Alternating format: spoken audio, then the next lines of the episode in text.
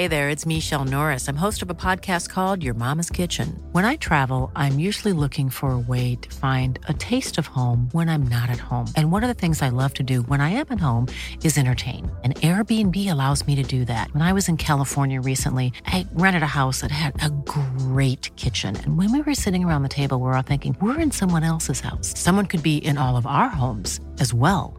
If you have a home, but you're not always at home, you have an Airbnb. Your home might be worth more than you think. Find out how much at airbnb.com/slash host. You should celebrate yourself every day, but some days you should celebrate with jewelry. Whether you want to commemorate an unforgettable moment or just bring some added sparkle to your collection, Blue Nile can offer you expert guidance and a wide assortment of jewelry of the highest quality at the best price. Go to BlueNile.com today and experience the ease and convenience of shopping Blue Nile, the original online jeweler since 1999. That's BlueNile.com. BlueNile.com. Quality sleep is essential. That's why the Sleep Number Smart Bed is designed for your ever evolving sleep needs. Need a bed that's firmer or softer on either side? Helps you sleep at a comfortable temperature? Sleep Number Smart Beds let you individualize your comfort so you sleep better together. JD Power ranks Sleep Number number 1 in customer satisfaction with mattresses purchased in-store. And now, save 50% on the Sleep Number limited edition Smart Bed for a limited time. For JD Power 2023 award information, visit jdpower.com/awards. Only at a Sleep Number store or sleepnumber.com. Det var julen 1996. Granar var pyntade, kakor var bakade och julmusiken spelade. I ett hem så firades julen på ett speciellt sätt. Paret Varn, Patty och JR, skulle skiljas och det skulle firas en sista jul tillsammans för barnens skull. Någon gång under juldagen så försvinner Patty, enligt JR efter bråk dem emellan. Blodet man senare finner tyder på någonting annat. Men trots att 25 års tid nu har passerat så vet man inte vad som hände Paddy denna juldagen. Och ingen är dömd för det potentiella brott som ligger bakom Paddys försvinnande.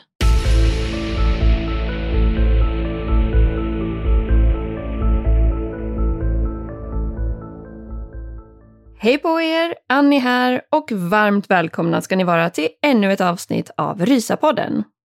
Och den här veckan så ska Mickis ta er igenom ett extremt märkligt fall som inträffade under julen 1996.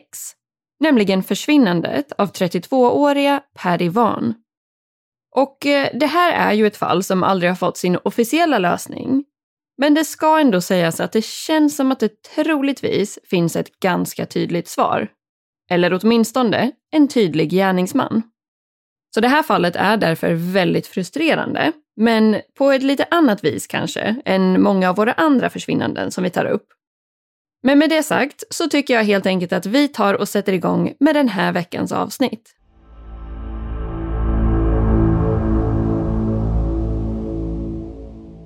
Patty Inez Brightwell föddes den 17 augusti 1964 i USA och bodde med sin mamma Patsy Wallace och sin pappa Billy Brightwell samt sina syskon.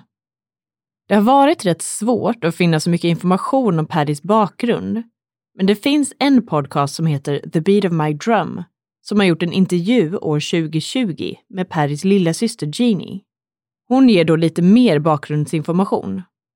Hon berättar bland annat att Paddy har tre syskon, två bröder och sen Jeannie. Det skiljer många år mellan Paddy och hennes två yngsta syskon som är Jeannie och en av bröderna. Jeannie är 16 år yngre än Paddy. Familjen bodde i Lavernia, Texas och Paddy fick ofta ta ett stort ansvar för sina mindre syskon. Ett ansvar som hon inte hade någonting emot. Familjen stod varandra nära och Paddy hade även en nära relation till sin moster och sina kusiner. De hade tät kontakt och såg så ofta de kunde. I maj 1985, när hon var 21 år gammal, så gifte hon sig med en man vid namn Jerry Ray, eller J.R. Vaughn, som hon träffade när han kom in som kund på det jobb som hon hade då. I samband med giftermålet så tog Patty även JRs efternamn och blev då Patty Vaughn. JR jobbade inom byggbranschen och utifrån det här så blev det en hel del flyttar. Redan året därpå flyttade paret till Maine i Portland och den 20 augusti 1987 föddes parets dotter Brittany. Och nästan exakt ett år senare, den 8 september 1988, fick de en son vid namn Ray. Familjen flyttade sedan runt en hel del och under 1989 så flyttade de först till Georgia och senare till en stad som heter Stafford i Virginia, där de också fick sitt tredje barn, en son vid namn Tyler, den 29 augusti 1990. Men i december 1990 så skedde deras sista flytt som familj och den gick till Texas. Där bodde de i det mindre samhället där Perry hade växt upp, Lavernia. Och det här ligger cirka fyra mil från den större staden San Antonio. De bodde där i ett stort hus på adressen Oak Park Road. I en intervju med Dateline så har Paddys syster Jeannie beskrivit henne som en mamma som gjorde allt för sina barn. En kvinna som älskade att rå om hemmet hon var också en troende kristen som gick i kyrkan och läste ur Bibeln varje dag. Patty älskade musik och var väldigt musikalisk. Någonting som hon kunde kombinera med kyrkan genom att vara med i ett kyrkoband. Hon både sjöng och spelade flera instrument. Paddys familj började däremot ana oråd över hennes och JRs relation i samma podcast som jag nämnde så berättar systern Jeannie om att JR var väldigt kontrollerande gentemot Paddy och att han verbalt misshandlade henne och fick henne att gråta vid flertalet tillfällen. Jeannie beskriver också att hon vet att det åtminstone har skett vid ett tillfälle att hon har sett att han har varit fysiskt våldsam mot Paddy. Det här ska då ha varit när Paddy höll deras yngsta barn i famnen och JR ska då ha puttat Paddy så hon skadade knät. Familjen var oroliga för hennes säkerhet och tyckte inte alls om JR. Paddy försökte dock hålla sämjan god mellan familjen och JR så gott det gick och berättade inte för sin familj om vad det var som pågick. Relationen mellan Perry och JR blev allt sämre och i oktober 1996 så beslutade paret att separera efter 11 års äktenskap. Något som hennes familj kände sig lättad över. JR flyttade då in i en lägenhet i San Antonio, Texas, medan Paddy bodde kvar i deras hus i Lavernia med barnen. Efter det här så var det som att 32-åriga Paddys liv började om på nytt. Hon valde nu att återigen komma igång och arbeta, vilket hon inte hade gjort sedan hon fick barn. Hon fick jobb som sekreterare på ett företag som hette Quinney Electric. Paddy började få tillbaka sitt självförtroende och jobba för ett bättre liv för henne och barnen. I december så återupptog hon även kontakten med en ungdomskärlek vid namn Gary som också hade gått igenom en skilsmässa ganska nyligen. Sen kom juletiden. Husen pyntades, kakor bakades och julstämningen spred sig runt om i Texas. Patty älskade julafton och allt den här högtiden stod för. Hon såg alltid till att alla fick julklappar. Även om ekonomin inte alltid var den bästa så såg hon till att göra presenter till alla i familjen. I USA är ju den stora dagen att fira Christmas Day, det vill säga den 25 december. Men dagen innan, den 24 december, alltså Christmas Eve, så var Paddy med sin familj. Det här var första gången som hon presenterade Gary för familjen och alla kunde se hur lycklig hon var. Gary var också jätteduktig med hennes barn. Eftersom Paddy inte ville att julen skulle bli alltför jobbig för deras barn i och med separationen så beslutades att den 25 skulle spenderas tillsammans. Det vill säga att JR skulle komma till deras gemensamma bostad på morgonen och att han, barnen och Paddy skulle fira julen tillsammans under förmiddagen. Därefter skulle JRs familj komma över till huset och så skulle det ske ett gemensamt julfirande. Lite som ett avslut mellan Paddy och hela familjen Van. Sagt och gjort så kom JR över till huset på juldagen för att fira julen med barnen under förmiddagen klockan tio så ringde Perrys syster Jeannie till henne för att önska god jul. Det var då JR som svarade och han gav sen över luren till Perry. Jeannie uppfattade det då som att hon hade gråtit, men hon försökte prata bort det och skyllde på allergier. När JRs familj kom dit senare under dagen, runt klockan 13, så sa JR att Patty var trött och inte kunde komma ner och hälsa. Någonting som inte alls var likt henne. Hon var den typen av person som var en bra värd och oavsett om hon var trött eller mådde dåligt så skulle hon ha gjort sig i ordning och kommit ner för att välkomna gäster. Efter ett tag gjordes väl en bedömning där hemma om att julen var rätt förstörd så att JRs ena syster tog med sig barnen till sig och JR var kvar i hemmet tillsammans med sin andra syster. Vad som hände härnäst är det ingen som vet. Eller rättare sagt, ingen som vill berätta. Enligt JR så fortsatte diskussionerna mellan honom och Perry under eftermiddagen och kvällen den 25 december. Diskussionerna ska framförallt ha handlat om det faktum att Paddy hade börjat dejta någon annan så nära inpå deras separation, vilket inte JR var särskilt förtjust i. Harry ska sen enligt JR ha fått nog och runt klockan 18.30 på eftermiddagen valde hon därför att sätta sig i sin bil, en blå Dodge Caravan från 1991 och köra därifrån. Hon ska vid tillfället för sitt försvinnande ha haft på sig en krämfärgad blus, svarta byxor, ett armband, en guldklocka och en guldring i form av en snäcka på sin högra hand. Hon ska även ha haft ett halsband med ett diamanthjärta, diamantörhängen och eventuellt en tumring och sin vigselring. Och som vi alltid säger så kan man ju såklart reagera olika när någonting sånt här händer. Men det är inte JR som anmäler Paddy som försvunnen, utan det är istället Paddys familj som gör det. Det är lite oklart exakt när, men Jeannie berättar i den här podcasten om att de får information om att Paddy är försvunnen den 26 december av en av kusinerna som ringer och berättar. De försökte anmäla redan då, men fick till svar att Perry var vuxen och att man därför fick lov att vänta 48 timmar. Men när syskonen fick informationen om sin systers försvinnande så åkte de direkt hem till Perrys bostad och möttes där av JR. Men vad gör då JR i samband med sin blivande exfrus försvinnande?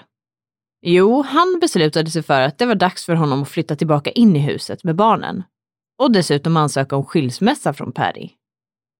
Jeannie berättar också att hon i samband med det här valde att vara kvar i bostaden tillsammans med JR under cirka en veckas tid för att finnas där för barnen. Hon beskriver sig närmast som syster till barnen utifrån åldersskillnaden som var mellan Patty och Jeannie och att hon hade en otroligt nära relation till barnen. Jeannie beskriver att det här var en väldigt svår tid eftersom att hon redan då var övertygad om att JR hade skadat hennes syster. Hon beskriver att han inte lät henne vara själv med barnen. Paddy och JRs dotter, som vid tidpunkten var nio år gammal, var den av barnen som ska ha varit inne i huset under tiden som Paddy ska ha försvunnit. Dottern ska, enligt Jeannie, ha försökt vid ett par tillfällen att smita in i badrummet när Jeannie duschade, men JR kom då på henne. Jeannie tror därför att dottern ville säga någonting, men inte fick möjligheten. Samma dag som man inser att Paddy är försvunnen, det vill säga den 26 december, så hittar man hennes bil övergiven en dryg mil från hennes arbetsplats och två och en halv mil från bostaden i ett område som heter South Bexar County. Bilen hade en punktering, men den såg inte ut att ha orsakats av en olycka. Det såg snarare ut som att någon medvetet hade släppt ut luften ur däcket. Perry såg senast till den 25 december och den 27 december, när det hade gått dryga 48 timmar, så började stora sökinsatser runt bostaden och platsen där bilen hade hittats. Genomsökningar i bilen gjordes också och när utredarna gjorde det så fann de blod i baksätet av bilen och vid skjutdörren. Man bedömde också att någon hade försökt tvätta mattorna i bilen. Det fanns också en del klädesplagg inuti bilen och en intressant grej kring de här kläderna är att i maj 2008 så lämnades ärendet över till en cold case-grupp som då kollade igenom den här klädhögen på nytt. Då noterades bland annat en röd arbetsoverall en sån som eventuellt en mekaniker skulle kunna tänka sig på sig. Det fanns även en logga på ryggen av overallen med bokstäverna JM. Man vet än idag inte vart den här overallen kommer ifrån eller vad loggan står för. Lite konstigt kan man tänka att man inte har noterat det här vid den allra första sökningen, men ja, så verkar informationen se ut i alla fall. Och det finns också många som tror att den här kanske las i bilen för att vilseleda polisen. Beslut fattades sen om att söka igenom familjens bostad, vilket gjordes den 29 december. Man valde då att använda sig av någonting som heter luminol. Det här är en kemisk substans som kriminaltekniker kan använda för att upptäcka förekomsten av blod på ytor där det för blotta ögat kan se ut att ha tvättats bort. Vad man gör är att man sprayar vätskan över en yta och järnet i blodet reagerar då med vätskan och lyser blått när man är i ett mörkt rum. Man valde att använda luminol i bland annat sovrummet och badrummet hos familjen Varn och man kunde då bekräfta förekomst av blod på väggar och golv i båda de här rummen. Man hittade även blod på en golvmopp, vilket ganska tydligt indikerade att någon hade försökt städa undan blodet. Man hittade aldrig Paddys väska och nycklar.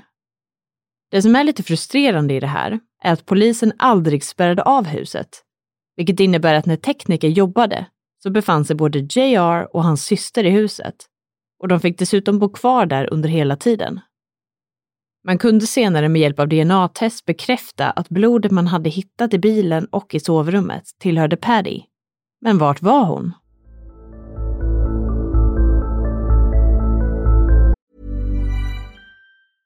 Hej, I'm Ryan Reynolds. At Mint Mobile, we like to do the opposite of what Big Wireless does. They charge you a lot, we charge you a little. So naturally, when they announced they'd be raising their prices due to inflation, we decided to deflate our prices due to not hating you. That's right. We're cutting the price of Mint Unlimited from $30 a month to just $15 a month. Give it a try at mintmobile.com slash switch. $45 upfront for three months plus taxes and fees. Promo for new customers for limited time. Unlimited more than 40 gigabytes per month. Slows. Full terms at mintmobile.com. A lot can happen in the next three years. Like a chatbot may be your new best friend. But what won't change? Needing health insurance. United Healthcare Tri Term Medical Plans are available for these changing times. Underwritten by Golden Rule Insurance Company, they offer budget friendly, flexible coverage for people who are in between jobs or missed open enrollment. The plans last nearly three years in some states, with access to a nationwide network of doctors and hospitals. So, for whatever tomorrow brings, United Healthcare Tri Term Medical Plans may be for you. Learn more at uh1.com. Hiring for your small business? If you're not looking for professionals on LinkedIn, you're looking in the wrong place. That's like looking for your car keys in a fish tank. LinkedIn helps you hire professionals you can't find anywhere else, even those who aren't actively searching for a new job but might be open to the perfect role. In a given month, over 70% of LinkedIn users don't even visit other leading job sites. So start looking in the right place. With LinkedIn, you can hire professionals like a professional. Post your free job on linkedin.com slash people today.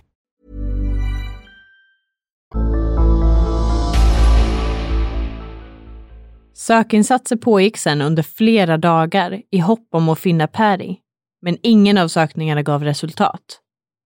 Som i många fall så var de första personerna som misstänktes personer i Perrys närmaste omgivning och närmare bestämt så var det männen i hennes liv. Det vill säga hennes exmake JR och hennes nya pojkvän Gary. Gary medverkade mer än gärna i utredningen och kunde dessutom ge ett alibi för vart han befann sig under juldagen när Perry försvann. Han gick också med på att genomgå ett lögndetektortest som visade att han talade sanning när han sa att han inte hade någonting med Perrys försvinnande att göra. Han var också delaktig i de här sökinsatserna som genomfördes när man letade efter Perry. Gary blev ganska snart avfärdad som misstänkt i Perrys försvinnande. Tragiskt nog så dog Gary år 2004 i en bilolycka tillsammans med sina barn. Vad gäller JR så är det en liten annan historia. Han flyttade som sagt tillbaka in i huset redan dagen efter Paddys försvinnande. Det här var ju också dagen då han ansökte om skilsmässa. JR gav sin utsaga till polisen om att han och Paddy hade bråkat om lämpligheten i att hon hade en ny pojkvän så snart in på deras separation och att det här slutade i att hon lämnade hemmet i sin bil. Han nekade till att det skulle föreligga någon form av brott bakom hennes försvinnande. Efter det här förhöret så minskade JRs vilja att vara delaktig i utredningen. Han var inte med under någon av de sökinsatser som ägde rum och han vägrade genomgå ett lögndetektortest. Han var också oerhört snabb med att anlita en försvarsadvokat som man kanske kan förstå så fanns det ju redan från start en stark misstanke gentemot JR, både från polisens sida, men framförallt ifrån Perrys familj. De var och är än idag fullt övertygade om att JR är skyldig till hennes försvinnande. Och den 10 februari 1997 så kokade det över för Perrys mamma Patsy. Hon hade då besökt sina barnbarn och tyckte sig se misstänksamma blåmärken på det minsta barnet. Hon valde därför att smyga sig tillbaka till bostaden under kvällen. När hon såg barnen som låg och sov och sen tyckte sig se ännu fler blåmärken på barnen så blev hon upprörd och ville ha svar. Hon valde då att ta ett baseballträ som fanns i hemmet och bege sig in i sovrummet där JR låg och sov och slog honom med baseballträt. Han överbemannade henne däremot ganska så fort. Enligt Jeannie ska sedan den nioåriga dottern ha kommit in i rummet när hennes mormor och hennes pappa ska ha slagit och skrikit “Nej pappa, nej, inte igen!” Jag inser att vi ska försöka hålla oss lite smått neutrala i våra avsnitt, men i det här fallet så har jag full förståelse för det här lilla utbrottet från Paddys mamma. Som tur är, tycker jag, så gick det här aldrig vidare till åtal och ärendet släpptes år 2013. Flera sökningar har genomförts, både med helikoptrar, sökteam och hundar. Under de här sökinsatserna så har man även sökt igenom dammar och olika landområden. I maj 1997 så genomfördes även en sökning med likhundar på en byggarbetsplats. JR var som vi nämnde tidigare inom byggbranschen och han hade varit ansvarig för just det här bygget och delaktig i att gjuta betonggrunden. Misstanken var då att JR skulle ha dödat Patty i hemmet och släpat ut henne till hennes bil och sen kört henne till den här byggarbetsplatsen. Väl där skulle han ha begravt henne i betongen. Man åkte därför dit med likhundar och radar för att söka igenom platsen. Man borrade även hål i grunden för att testa för metangas. Det är nämligen så att när en kropp förmultnar så avger den metangas. Och om kroppen då är instängd i ett utrymme, som exempelvis en betonggrund, så stannar gasen där. Men tyvärr gav varken testerna eller sökningarna något resultat. Det har därefter skett flera sökningar, både på det här bygget och även ett annat bygge som JR hade varit ansvarig för. I den podcast som jag nämnde tidigare så berättar Jeannie att vid en av de platser man sökte igenom, en skola, så var det två sökinsatser med tränade likhundar som båda, skilda från varandra, markerade på ett visst hörn i skolans grund. Man gjorde därför en sökning med radar och det fanns någon form av förändring i grunden. Men det här pratades bort ganska direkt av polisen. Och den krassa sanningen, enligt Genie, är att man helt enkelt inte är beredd att gräva upp ett bygge som har kostat otroligt mycket pengar för att eventuellt kunna hitta en död kropp. Det har, som man kanske kan förstå, varit en hel del konflikter mellan Paddys familj och JR. Utöver att Paddys mamma misshandlade honom med baseballträet så har även JR haft åtal mot sig för att ha misshandlat Paddys moster år 1998. Hennes familj är inte helt eniga om vart de tror att hon faktiskt ligger begravd. Hennes mamma Patsy tror att kroppen finns kvar på familjens ägor det vill säga på tomten till parets gemensamma bostad. Hon upplever inte att polisen har gjort en tillräckligt noggrann sökning av marken där och den nuvarande ägaren vill inte tillåta fler sökningar. Medan Patsy tror att hennes dotters kropp ligger kvar på ägorna så är Perrys moster och kusin övertygade om att kroppen ligger begravd under den skolan som sökningarna redan har utförts vid de är säkra på att JR visste att om skolan väl byggdes så skulle de aldrig gå vidare med att riva ner den. Det har under åren kommit in flera tips som har kollats upp och polisen är noga med att säga att det här fallet fortfarande är aktivt och jobbas med och att det fortfarande kommer in tips kontinuerligt. Utredare har också gått ut och sagt att de anser att JR är en stark misstänkt för Paris försvinnande, men att det inte finns bevis nog för att kunna åtala honom. År 2008 lämnades ärendet som sagt över till den så kallade Cold Case-gruppen och det har varit en del som har hänt i fallet sedan dess. Bland annat så genomfördes nya DNA-tester av saker som man hittade i Paddys bil år 2012. Och resultatet var då minst sagt förvånande för utredarna. Det visade nämligen på att det fanns DNA från en främmande kvinna. En kvinna som inte var släkt med Perry. Utredare har senare uttalat sig om att de tror sig veta vem det här DNA tillhör. I dagsläget finns det dock ingenting mer de kan göra innan de har mer bevismaterial eftersom att de annars inte kan ta DNA-prov från någon för att bekräfta att det är en matchning. Det har enligt utredare alltid funnits en misstanke om att JR skulle ha haft någon form av medhjälpare. Mycket av det här baseras på det faktum att Paddys bil dumpades en bra bit hemifrån. De tror därför att JR kan vara den som mördade Paddy, men att en kvinna var behjälplig i att få Paddy att försvinna. Det har också inkommit ny information i form av Paddys inspelade telefonsamtal veckorna innan hennes försvinnande. Det fanns nämligen en kvinna som var nära med JR under tiden för Paddys försvinnande och hon och hennes man skulle en tid senare sälja sin bil. Den nya ägaren upptäckte då en väska i bilen innehållandes band. När personen lyssnade igenom de här och hörde Paddys namn så gav han dem till polisen. Det visade sig då vara inspelade band av Paddys samtal som JR hade spelat in och sedan lämnat till den här kvinnan. Det säger ju en hel del om hur mycket kontroll JR ville ha över Paddy. Men vad vi har kunnat hitta så har det inte framkommit någonting mer konkret kring de här banden. JR valde senare att ta med sig de tre barnen och lämna Texas. Han flyttade istället till Colorado, där han även valde att byta namn.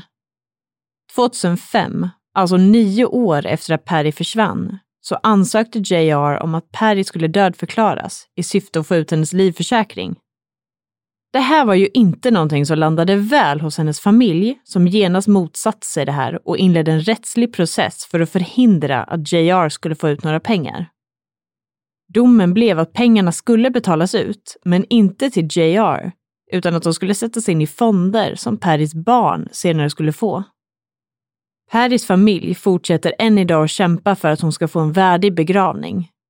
De säger sig veta att hon är död, men de vill fortfarande ge henne det avslut som hon förtjänar. I en intervju som ägde rum med Fox San Antonio 2016, 20 år efter Paris försvinnande, så talar hennes moster och kusin om försvinnandet. Mostern säger då att i dagsläget så bryr hon sig inte ens om rättvisa.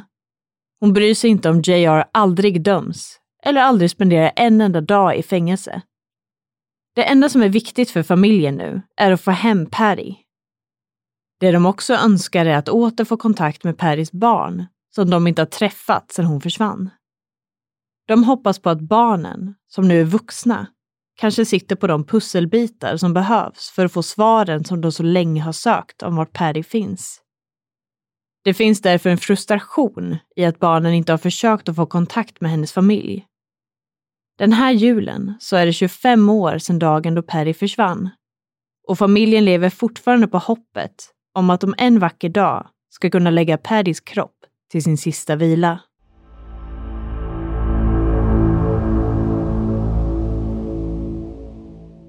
Mm, det här är ju väldigt störande. För det känns ju verkligen som att man vet vem som har mördat Paddy och att man tyvärr får utgå ifrån att hon har blivit mördad. Och det måste vara så frustrerande för familjen att veta och tänka på att den här mannen, han är på fri fot och lever livet medan deras dotter, syster och släkting ligger begravd någonstans. Men man får väl helt enkelt hålla alla tummar och tår för att hennes familj och anhöriga någon gång ska kunna få alla de svaren som de önskar och behöver för att kunna gå vidare. Men eh, förhoppningsvis så har ni tyckt att det här fallet har varit intressant att ta del av, även om det är frustrerande.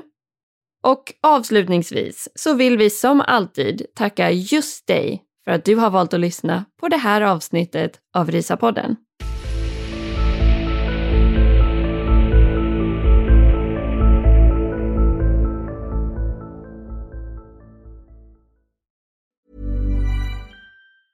Hey, it's Paige DeSorbo from Giggly Squad. High quality fashion without the price tag. Say hello to Quince. I'm snagging high-end essentials like cozy cashmere sweaters, sleek leather jackets, fine jewelry, and so much more. With Quince being 50 to 80% less than similar brands. And they partner with factories that prioritize safe, ethical, and responsible manufacturing. I love that. Luxury quality within reach. Go to quince.com slash style to get free shipping and 365 day returns on your next order. Quince.com slash style. Even when we're on a budget, we still deserve nice things. Quince is a place to scoop up stunning high end goods for 50 to 80% less than similar brands. They have buttery soft cashmere sweaters starting at $50, luxurious Italian leather bags, and so much more. Plus, Quince only works with factories that use safe, ethical, and responsible manufacturing. Get the high-end goods you'll love without the high price tag with Quince. Go to quince.com/style for free shipping and 365-day returns.